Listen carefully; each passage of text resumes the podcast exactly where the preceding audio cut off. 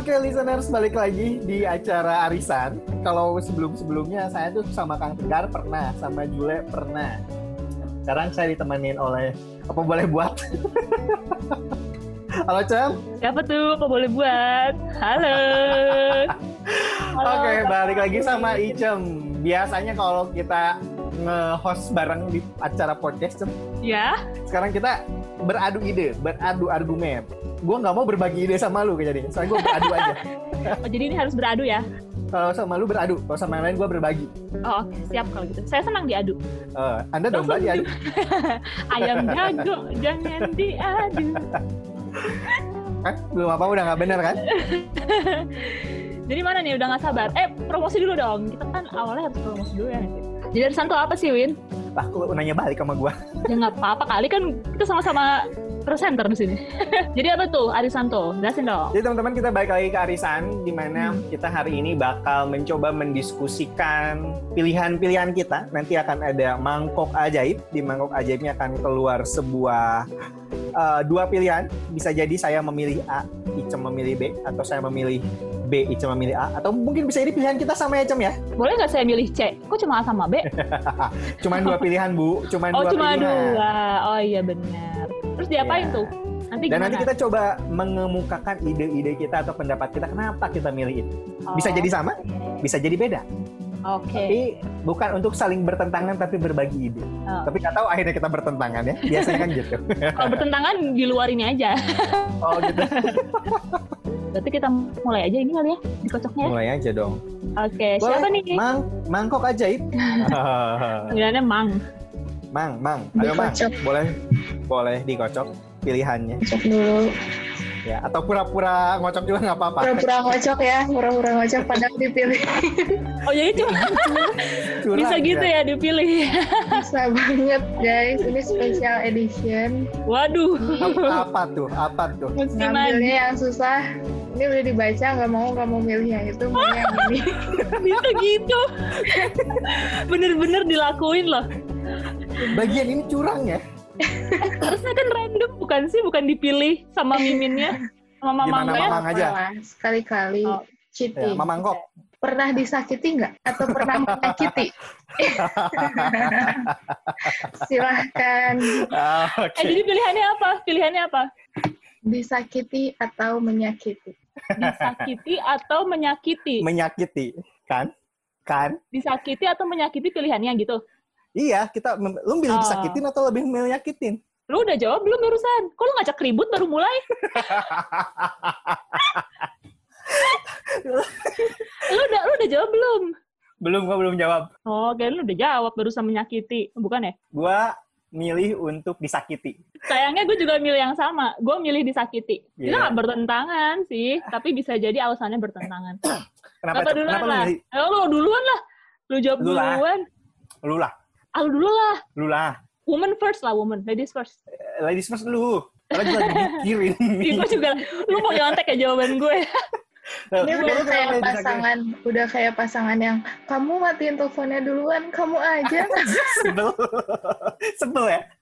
Padahal tinggal gue matiin aja sih. kenapa, kenapa, kenapa lu milih disakitin, Cem? Dengan memilih disakiti. Kenapa ya? Karena dengan disakiti tuh sebenarnya kita jadi belajar sesuatu. Menyakiti juga belajar sih. Cuma hey. apa ya? Disakiti. kalau misalnya kalau misalnya alasannya bilang karena orang lain yang melakukannya kepada kita, jadi kayak kita nggak ngerasa bersalah sih nggak juga sebenarnya. Ah, ah. Nggak juga sebenarnya karena maksudnya eh, ya kalau gue sih agak nggak kalau gue yang agak nggak oke okay dengan cara itu adalah karena akhirnya mengatribusikan atau mengitu mengitukan Bahasa lu berat banget ngantribusikan. melemparkan Gue gak ngerti apa-apa, Cem. Melemparkan. Awam, gue awam. Tenang dulu, Pak, tenang. Seperti seolah-olah melemparkan itu kepada orang lain gitu. Padahal sebenarnya disakiti itu kan nggak cuma gara-gara orang lain, tapi ada ada hal-hal pribadi juga yang membuat kok jadi saya tersakit, saya disakitin ya, saya merasa disakiti. Padahal mungkin iya, buat iya. orang lain nggak merasa disakiti tapi mungkin kesannya akhirnya kalau menyakiti itu kayak seolah-olah ada unsur balik lagi ya eh, sengaja atau apa iya iya ada sebagai individu ya sebagai individu kayak ya maksud sih gue yang melakukan hal-hal negatif gitu. Tapi bukan berarti orang lain juga. Uh, Kalau gue merasa disakiti orang lain melakukan hal negatif, belum tentu gitu. Bisa aja orang lain melakukan sesuatu yang sifatnya gak ada apa-apa. Biasa aja. Tapi, hmm, tapi kita merasa... Misalnya nggak nggak berniat nyakitin gitu, tapi lu nya hmm, tersakitin gitu. Bisa aja. Berarti itu kan sesuatu yang sifatnya jauh lebih personal kepada gue. Kenapa gue ngerasa disakitin? tapi sebenarnya alasannya itu nggak nyambung juga sih kenapa sama gue nggak milih menyakiti justru itu kalau justru itu kenapa lu nggak milih menyakiti kalau gitu karena kalau gue memilih menyakiti egoisnya adalah gue nggak mau sebagai pelaku gitu tapi kalau disakiti bukan berarti orang lain sebagai pelaku gitu uh. jadi gue agak egois tapi maksud gue ya kesannya menyakiti itu adalah gue eh, sengaja ataupun nggak sengaja itu dari gue datangnya gitu. Dan egoisnya adalah gue nggak ah. mau gitu. Tapi kalau disakiti quotes and quotes menurut gue itu bukan selalu orang lain sebagai pelakunya. Bisa jadi pelakunya. Uh, uh, pelaku ya. Masalah uh, respon lu gitu. Iya, bisa jadi juga ada kalau misalnya gini nih ya, sorry misalnya kasus kayak misalnya uh, katakanlah yang ekstrim misalnya KDRT gitu itu kan ada ya, ya. aku ada korban gitu gitu kayak itu kan sesuatu yang mungkin lebih jelas gitu ya. Ya, ya, ya. misalnya hal-hal yang sifatnya sederhana misalnya lo keinjek gitu gua merasa disakiti gitu itu kan kayak bisa aja keinjek itu buat lu karena lu pernah kegeleng jadi lu keinjek tuh sesuatu yang traumatik buat lu kan bisa aja gitu ya atau bisa jadi gara-gara yang nginjeknya lu gue nggak pernah nginjek sih paling nabok injek mah level level pitik nggak pernah gue kayak gitu gitu sih jadi hmm, sebenarnya hmm, hmm, alasan hmm. gue tidak satu sama lain tidak saling nyambung. Nyambung. Tapi, tapi lebih ke uh, lebih ke personal lu ya. Sebenarnya. Tapi lebih ke lebih ke personal bahwa ketika disakiti ketika disakiti itu ya gue nggak mau lah intinya jadi orang yang menyakiti. sesuatu sengaja ataupun enggak. Ya sengaja ataupun tidak gitu. Gue nggak mau jadi Uh, Tapi kan gini, Cem, kalau ngomong sengaja atau enggak, kan sebenarnya bisa aja lu tuh menyakiti secara tidak sengaja. Walaupun tidak niat nyakitin. Kalau tadi iya, ngomongin iya, lu sengaja atau enggak ya gitu. Iya bisa aja, tapi kan akhirnya itu akan membentuk respon pada orang lain yang membuat ini gara-gara lo atau karena lo kemarin gini sih gitu. Nah itu gue tidak mau secara secara egoisnya nggak mau. Tapi Jadi bukan berarti disakitin. Tapi dengan berarti bukan berarti dengan gue memilih disakiti, gue mau jadi objek gitu, bukan. Jadi objek disakiti itu bukan. Tapi daripada gue melakukan, daripada gue melakukan itu egois gitu. Tapi disakitin juga nggak mau. Cuma kalau harus memilih kan harus milih ya. Iya, iya, iya. Jadi ya Tapi menurut lu menyakiti salah, Cep? Lo belum nah, bilang alasan. Dulu, lo belum bilang alasan lo kenapa ya juga. Lo jangan wawancara gue, mohon maaf. gue milih disakitin juga sih, Cem. Maksudnya, uh, regardless dari pernah sengaja atau tidak sengaja menyakiti ya sebenarnya. Tapi uh, kenapa gue milih disakitin? Karena menurut gue, gue punya kontrol yang lebih ketika gue disakitin. Hmm. Dibandingin gue menyakitin. Contohnya gini, kan disakitin gue tuh disakitin, bukan tersakiti. Dua hal yang beda loh, hmm. menurut gue. Disakiti dan tersakiti. Kalau tersakiti, terus kesannya itu nggak sengaja, iya nggak sih? Iya. Kalau disakiti, gue menjadi objek yang memang dibuat sakit oleh orang lain. Iya. Iya. iya. Nah, pertanyaannya, ada orang yang mau ngebuat gue sakit, ya kan? Ada orang nih, Uh-uh. Uh, ya terlepas dari sengaja atau nggak ada orang. Katakanlah gue, gue misalnya, gue mau menyakiti lo, katakan. Udah niat beneran lu mah. Biar real aja contohnya gimana oh, biar real aja. Misalnya nih, lu mau nyakitin gua. Hmm. Lu boleh aja menginjak-injak harga diri gua. kaki dong, jangan harga diri. Kita kan kaki ngomongnya barusan. Oh ya, lu gua boleh aja menginjak. boleh aja menginjak atau mencoba menyakiti gua. Tapi kan belum berarti gua belum tentu gua tersakiti. Belum tentu gua yang sakit. Bayang. Iya. Nah, gitu. Jadi lu bisa aja mencoba menyakiti gua, lu mencoba ngejutekin gua gitu. Lu coba untuk menginjak-injak gua, untuk menyebarkan hoax tentang gua misalnya. Tapi kan oke, okay. kenapa lu ketawa? Kan contohnya lu kan hoax sih, gua gak kepikiran menyebarkan hoax. Boleh aja kan lu uh, try to hurt me gitu kan. Tapi kan bisa aja gue nggak merasa gue punya kontrol sebenarnya satu kontrol respon dua adalah kontrol healing Ya, kalau tentang nah. kontrol respon iya, tapi kontrol ketika direct bukan dari kalau ketika kontrol lo merasa sakit itu kan itu jauh sebelum lo kontrol respon ya sih. Makanya gue bilang kontrol healing. Nah, kontrol healing itu iya kan? Boleh jadi pada akhirnya gue ngerasa sakit.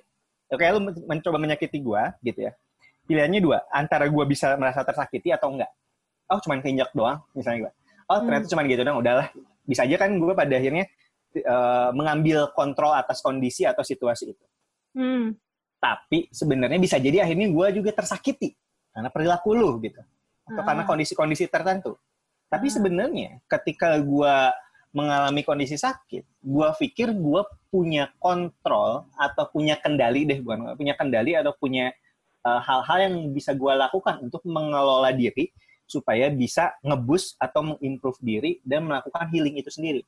Tapi bayangin kalau gue menyakiti orang, gue nggak punya cara, nggak punya kontrol untuk ngebantu dia healing. Uh, Oke okay lah, let's say ya, memang ketika gue menyakiti orang, gue punya kontrol atas perilaku gue, ya nggak? Ya, terus setelah ya. itu mungkin gak sih? Ya, gue punya kontrol atas perilaku gue. Oke, okay, hmm. let's say gue nggak sengaja menyakiti orang, atau bahkan gue sengaja menyakiti orang, dan hmm. habis itu uh, eh, gue punya kontrol terhadap apa yang mau gue, apa yang bisa gue lakukan, ya kan? Hmm. Apakah gue meminta maaf atau melakukan hal-hal lainnya, gitu kan? Hmm. hmm. Gue punya kontrol memang seperti itu. Tapi maksud gue akan menjadi, kalau buat gue pribadi ya, ini akan menjadi beban, akan, ya akan menjadi burden sih kalau buat gue ketika pada akhirnya gue menyakiti orang lain dan otomatis gue tidak punya kontrol untuk proses healing dia dan itu akan membuat gue tidak nyaman. Gitu. Nah ketika disakiti pun sebenarnya ada hal yang sama. Karena lo tidak punya kontrol untuk melakukan sesuatu terhadap orang yang menyakiti lo. Itu dan itu, menurut gue sih tidak apa-apa. Karena memang emang gue harus ngapain orang yang menyakiti gue nah bukan jadi kondisinya gini ketika lo disakiti oleh orang lain gitu ya uh, itu tetap ada tetap ada rasa ingin bukan dalam artian membalas dendam ya, tapi dalam artian uh. ketika lo tidak bisa mengontrol, misalnya lo menyakiti, tidak bisa mengontrol uh, bagaimana orang lain itu healing gitu ya. Ya, ya. Atau bagaimana uh, istilahnya kayak bebannya jadi dua, uh, si yang menyakiti dan si yang disakiti ya, gitu ya. ya. Tapi sebagai yang disakiti juga kalau menurut gue itu tetap ada kondisi beban itu, gitu. Gimana bebannya beban dalam hal apa gitu ya ketika misalnya orang yang menyakiti dan disakiti ini gitu ya ini mm -hmm. adalah significant others itu jauh jangan di jang, menurut gue ya jangan dikatakan bahwa orang yang disakiti itu tidak punya beban atas orang yang menyakiti itu akan lain yeah. cerita ketika yang menyakiti ini menyakiti stranger. Katakanlah lo nginjek kaki misalnya someone yang passing by gitu ya. Seorang yang lo nggak kenal. Itu nggak akan jadi masalah gitu. Tapi ketika misalnya lo menginjak kaki uh, ayam misalnya lo punya relasi yang dekat sekali dengan ayam misalnya gitu ya. Nah, apa sih ayam? Lu ya kan punya adik punya kakak gitu. Dia ada adik kakak teman sahabat kan harus milih ayam gitu. Mulut mulut saya ya misalnya lo punya relasi yang dekat dengan ayam dan ayam itu bisa bicara misalnya gitu ya. Ini lo menginjak kaki ayam gitu misalnya. Nah ayam Mama ini kan ceker ayam cem ya nggak apa-apa ayam gue beda. Jadi lo nginjak kaki ayam gitu ya lo merasa bahwa aduh ayam kesakitan gitu. Aduh saya nggak bisa ngapa-ngapain untuk membantu lukanya si ayam gitu misalnya ya. Dan saya yeah, juga yeah, ya. tadinya nggak sengaja. Kenapa saya jadi nginjak kaki si ayam gitu kan? Satu sisi yang namanya ayam ini kan dia sibuk loh ngurusin kakinya yang keinjak sama lo gitu ya Nah, satu sisi mungkin ayam ini juga akan punya pikiran yang sama. Dalam artian kenapa sih dia nginjek gue? Nggak sengaja.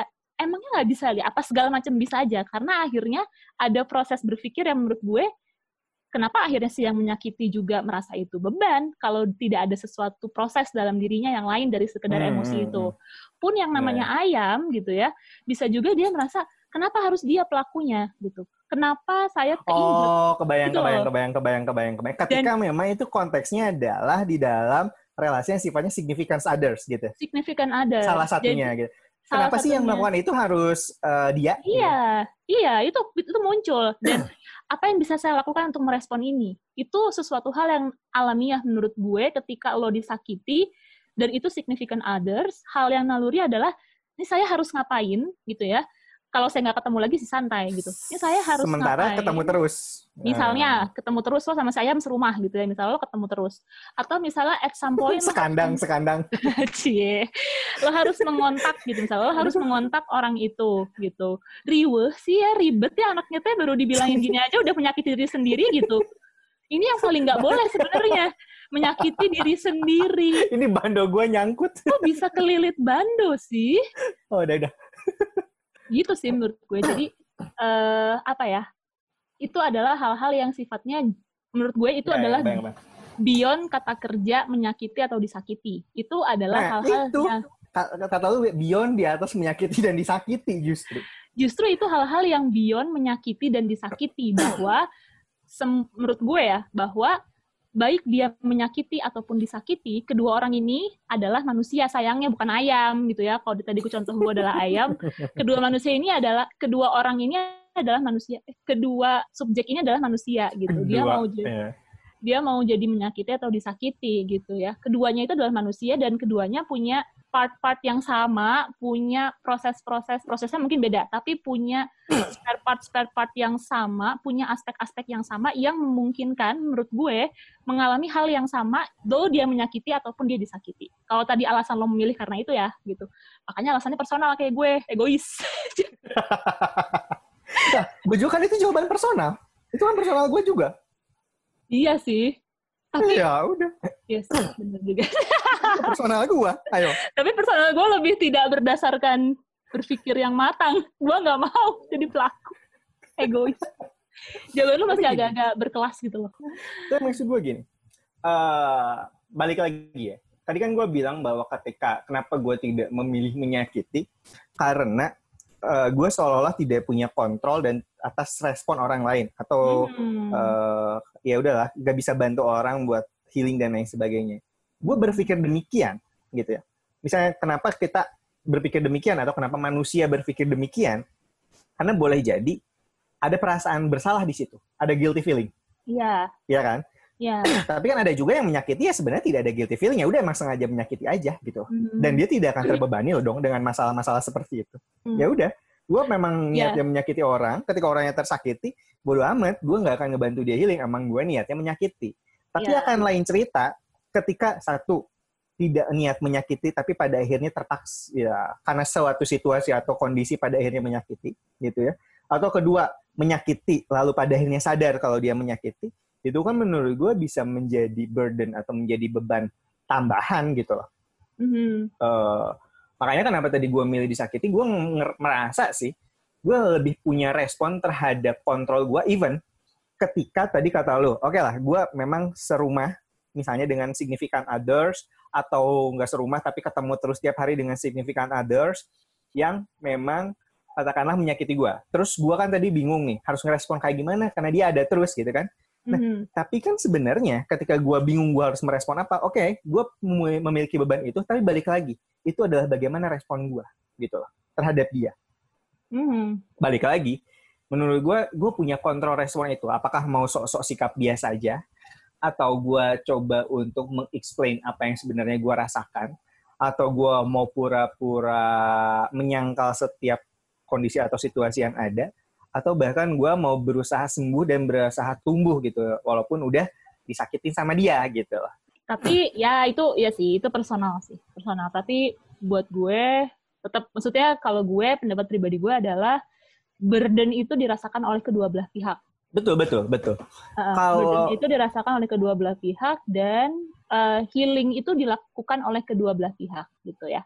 Tapi masing-masing. Tapi masing-masing gitu. Tapi masing-masing. Nah, uh, uh, terkait menurut gue ya terkait sejauh mana kalau tadi ya misalnya ada Kenapa orang tensi yang kita jadi turun ya. Tadi kayaknya ngegas. Kan ini udah lewat setengah jam gak sih? Biasanya kalau udah lewat setengah jam itu proses meditasi eh mediasi. Enggak ya tadi itu kan tensinya naik aja sekarang kayak turun tensinya enggak kalau misalnya gue naik terus bisa 10 jam ini topik disakiti dan menyakiti ini jadi gue turun. Oh, gue juga barusan turun kok. iya, kalau enggak, aduh cekernya bisa nyampe rumah gue nanti beneran. Jadi ya kalau menurut gue sih burden itu dirasakan oleh kedua belah pihak. Maksudnya yeah, iya kedua yeah, belah posisi gitu ya. Baik itu posisi yang menyakiti ataupun disakiti. Dan proses healing itu dilakukan oleh kedua belah pihak.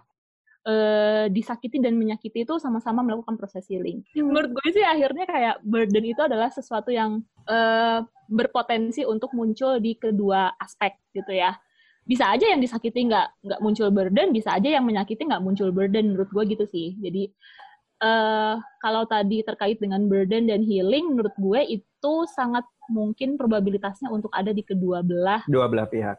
Pihak. Kedua belah pihak punya burden. Boleh jadi si yang menyakiti ini burdennya tidak yang tidak dari yang disakiti gitu. Tapi iya. boleh jadi yang yang disakiti pun burdennya itu boleh jadi jangan-jangan tidak dari yang menyakiti. Iya kan? Iya, iya. jadi burden burden itu muncul akibat pikiran dia, akibat Iya. rasa penyesalan dia, akibat self worth dia atau lain sebagainya gitu. Tapi justru kalau gue bertanya adalah nanya ke lu gue, balik nanya. Gue nanya balik sama sopan. Ya, sok-sok. Apa tuh? burden ini, maksudnya menurut lo, apakah mungkin burden ini sudah bi- seorang individu itu membawa burden dari lahir atau memang dari mana manusia belajar burden? Oh. Membebani dirinya Hmm. sendiri. Justru menurut gue, ketika tadi ada relasi yang sifatnya misalnya antara dua dua individu gitu ya, si ayam dan si Alwin misalnya gitu ya, ini terjadi proses eh, menyakiti dan disakiti. Kita nggak bilang siapa yang menyakiti siapa yang disakiti ya. Ya. Duar, ada yang tersakiti dan Bunyinya ada yang gitu, disakiti gitu. Dan duar. menyakiti. Bisa nggak mungkin. Berarti Alwin juga ayam. Misalnya gitu ya, terjadilah proses bertubrukan sehingga mereka uh, memposisikan dirinya sebagai disakiti dan menyakiti gitu ya. Oke, oke. Nah, ketika ketika kejadian itu selesai, menurut gue akhirnya proses yang muncul adalah itu menyakiti dan disakiti oleh diri sendiri dari diri sendiri dan untuk sih dari dari diri sendiri. Oleh diri sendiri dan untuk diri sendiri. Jadi Iya, maksud lu karena ada proses uh, dalam relasi itu pernah tersakiti, disakiti atau menyakiti tadi, akhirnya kita belajar tentang proses itu dan secara tidak langsung itu pun bisa kita pelajari untuk diri kita dalam relasi dengan diri kita sendiri. Justru. Jadi maksud gue adalah eh ketika kejadian dar gitu ya, proses sakit siapa yang disakiti, siapa yang menyakiti, siapa yang tersakiti itu urusan di belakang. Itu kan label-label ya. Akhirnya ketika udah nggak kejadian lagi, pada detik itu ketika sudah selesai kegiatan sakit itu gitu ya, eh, eh, sakit menyakiti atau proses yang membuat sakit. Nah, ketika itulah sebenarnya terjadi pertarungan yang sebenarnya gitu. Ya, itu Dan dengan itu jauh. Mm-mm, dan itu adalah proses tadi menyakiti dan disakiti oleh diri sendiri yang menurut gue akhirnya tadi dari untuk oleh itu kejadian. Karena pertama udah nggak ada kejadiannya. Tapi kan mungkin proses itu tetap berlanjut Ya, ya, bertahun-tahun gitu ya. Jadi itu contoh real bahwa ternyata proses disakiti dan menyakiti itu jangan melulu diatribus jangan melulu dilemparkan kepada orang lain. Ini gara-gara dia gitu padahal kejadiannya udah selesai gitu. Akhirnya yang tidak Dan selesai boleh jadi kejadiannya adalah itu hanya lima menit. betul dan boleh Tapi jadi lu bawa itu dalam waktu 15 tahun. bisa. Jadi eh at some point akhirnya kalau tadi kenapa gue bilang eh eh enggak sih nggak nyambung jadi ya itulah intinya. Kenapa gue ternyata gue mikir kok nggak nyambung tadi ya sama yang gue omongin dan gue mau nyambungin apa gitu. Jadi menurut gue itulah akhirnya proses yang perlu dipahami bahwa proses sak- proses sakit itu mungkin memang pernah ada gitu ya. Antara eh, dua dua pihak dua hal gitu ya. Dua Mhm. being bisa aja manusia dan manusia atau dengan yang lainnya gitu ya. Mhm. tapi kondisinya adalah ketika kejadian itu sudah selesai sebenarnya yang menjadi poin sakitnya itu kan tinggal kita sendiri Ya, nggak ya. ada siapa-siapa gitu nggak ada Ya. siapa-siapa Apalagi ketika Dan itu- kita udah nggak bisa nge-reach orang yang katakanlah kita sakiti atau Iya, menyakiti betul. kita, gitu kan? betul betul betul gitu ya dan eh akhirnya banyak hal yang kita nggak bisa reach dalam artian mungkin physically aja kita nggak bisa nge-reach Iya, gitu iya. ya. Apalagi kita mau nge-reach proses yang lebih dalam, katakanlah proses healing, proses eh, segala macam yang sifatnya internal. Iya, iya. itu jauh lebih tidak mungkin. Secara fisik aja mungkin sudah susah untuk me-reach orang itu. Either way susah atau either way nggak mau. Iya, iya. Gitu. Itu bisa. Itu pilihan. Bisa jadi dianya nggak mau kan? Iya, bisa jadi kedua belah pihaknya nggak mau. Iya, iya. gitu. Baik yang Iya. menyakiti ataupun merasa disakiti gitu ya. Tapi akhirnya kan setelah itu misalnya udah gitu ya, kelar masalahnya. Tapi akhirnya kan proses itu bisa berlanjut dengan label-label Iya, tadi iya. gitu ya, padahal nggak ada wasitnya juga gitu. Nggak ada wasitnya juga, tapi akhirnya label-label itu kan muncul semua Iya. dari internal. Padahal Wasit itu kan, yang mak- maksud lu wasit gini. Gua mau coba klarifikasi dulu. Maksud wasit di Hmm. sini adalah kalau yang disakiti lu yang menyakiti ya, yang meni Iya, iya. ya gitu iya. kan. Oh enggak, enggak. lu yang menyakiti lu wasit yang kan disakiti harus- gitu kan. Iya, wasit kan harus Sementara kalau tadi adalah subjektif perceive ya. Gue Iya. yang sakit ini atau gue yang Iya. menyakiti ini gitu. Iya, Hmm. padahal mungkin at some point orang yang disakiti juga tidak tahu bahwa somehow ada hal-hal yang menyakiti juga. Iya, iya, iya. gitu bisa aja kan dan itu yang mempersifkan adalah orang lain tapi keburu keburu sakit nggak ada waktu lagi gue buat nanya eh lu kesakitin nggak sama gue barusan gara-gara lo nginjek gue kan gitu apalagi jawabannya kukuruyuk mungkin nggak bisa gitu ya jadi menurut gue akhirnya proses sakit dan menyakit disakitin dan menyakiti itu bisa berlangsung jauh lebih lama ketika itu melibatkan diri sendiri Ya, dan ya. itu alangkah ruginya manusia-manusia yang seperti itu walaupun mungkin kita juga sebagai manusia pernah mengalaminya tapi Iya, iya. ya please please lah gitu jangan momennya jangan membawa kapan gitu ya. Ya, Padahal- tapi kita membawa burden-burden itu kita coba apa ya? Ya kita coba proses lagi dalam diri kita walaupun sebenarnya momen-momennya itu udah terlewat jauh gitu. Tapi kita tetap Mm-mm. menghadirkan momen yang udah lewat tersebut di dalam diri kita. Sampai pada akhirnya Mhm. secara nggak langsung kita membangun burden buat diri kita sendiri gitu kan. Mm-mm. itu deh. Ih udah kali wrap up ya ya nggak sih? Sebenarnya kalau mau dibahas Sudah masih panjang loh, tapi capek. terjadi mufakat. Udah itu aqua gue udah tinggal setitik. Lama-lama gue goreng ayam beneran nih. Udah. Gimana? Iya nggak sih? Oke, oke com- berarti tadi kita udah ngomongin agak ngegas ya pertemuan kali ini ya. nggak ngegas sih cuma Ya maksudnya ngegas gitu tuh ngegas. eh, panas-panas gitu. Karena saya kipasnya mati soalnya. mati. Intinya adalah intinya menyakiti dan disakiti itu adalah hal yang manusiawi dan menurut gue sih sulit dihindari ya. Mungkin bisa, Hmm. tapi sulit untuk benar-benar sepanjang hidup lo tidak menghadapi kondisi sakit. Bukan menyakiti disakiti ya, kondisi Hmm. sakit. Gitu. Hmm. Way Apalagi fisik kita nggak atau- pernah terlepas dari yang namanya relasi kan. Either way fisik ataupun eh, mental ya. Yes. kita nggak bisa benar-benar hidup nggak pernah sakit seumur umur atau nggak pernah hmm, apa namanya merasa nggak nyaman secara mental itu itu bukan hidup namanya jadi Hmm. itu sesuatu yang natural tapi eh, bagaimana setelah proses sakit itu apakah kita setelah kita sakit itu apakah kita mau meningkatkan imunitas Mhm. dalam artian sakit fisik ya imunitas setingkatin nggak nggak berlarut-larut dalam sakit. Atau kalau sakit dalam tanda kutip emotional burden ya tingkatkan imunitas untuk bisa sehat setelah itu. Walaupun tetap pernah ada kondisi sakit dan menurut gue itu pilihan. Dia memilih menjadi sehat atau memilih untuk eh, sakit atau memilih untuk sehat tapi sakit. Itu pilihan Mhm. gitu. jadi Walaupun- gue Kadang untuk melakukan proses perubahan atau pengubahan pilihan itu agak susah juga ya, karena butuh effort Susah. yang yang luar Iya. biasa gitu lah. Dan kalau mental kan abstrak ya sifatnya. Kalau fisik Iya, mungkin iya, kita sih. Oke, gitu paling udah di wrap up juga. Oke, gitu para pendengar setia Arisan. Hari ini kita membahas disakiti dan menyakiti. Capek juga bahas disakiti dan menyakiti ya. Tapi mudah-mudahan pembahasan kita ini tidak menjadi burden untuk pembawa acaranya. untuk pembawa acaranya tentunya. Dan tentunya Oke. teman-teman semua punya pilihannya masing-masing. Ya, tadi kalau pilihannya antara menyakiti, disakiti, teman-teman boleh. Kita berdua kebetulan memilih hal yang sama itu disakiti walaupun dengan alasan yang berseberangan, bertentangan dan berbeda gitu. Jadi Tapi ini boleh no jadi- offense kan ya, maksudnya Iya, bukan no bukan offense. untuk menjatuhkan pihak Bukan. mana pun. Ini murni murni persepsi dan pendapat pribadi. Bisa jadi salah, bisa jadi benar. Atau boleh jadi tidak ada yang salah dan tidak ada yang benar Ada ada yang setuju, ada yang nggak setuju, itu pilihan. pilihan. Dan teman-teman boleh kalau mau memilih tidak setuju dengan pendapat pendapat kami, teman-teman mungkin punya pendapat lain, boleh tulis di komen di bawah ini, di bawah mana entahlah gitu ya.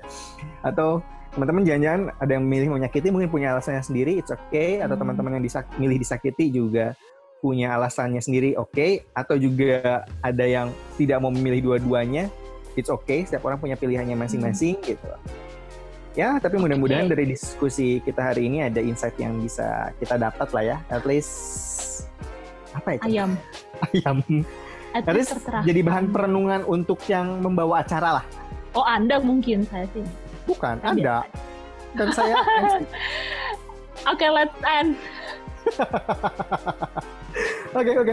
Terima kasih buat teman-teman semua. Sampai ketemu lagi di arisan berikutnya. Oke, thank you. Thank you.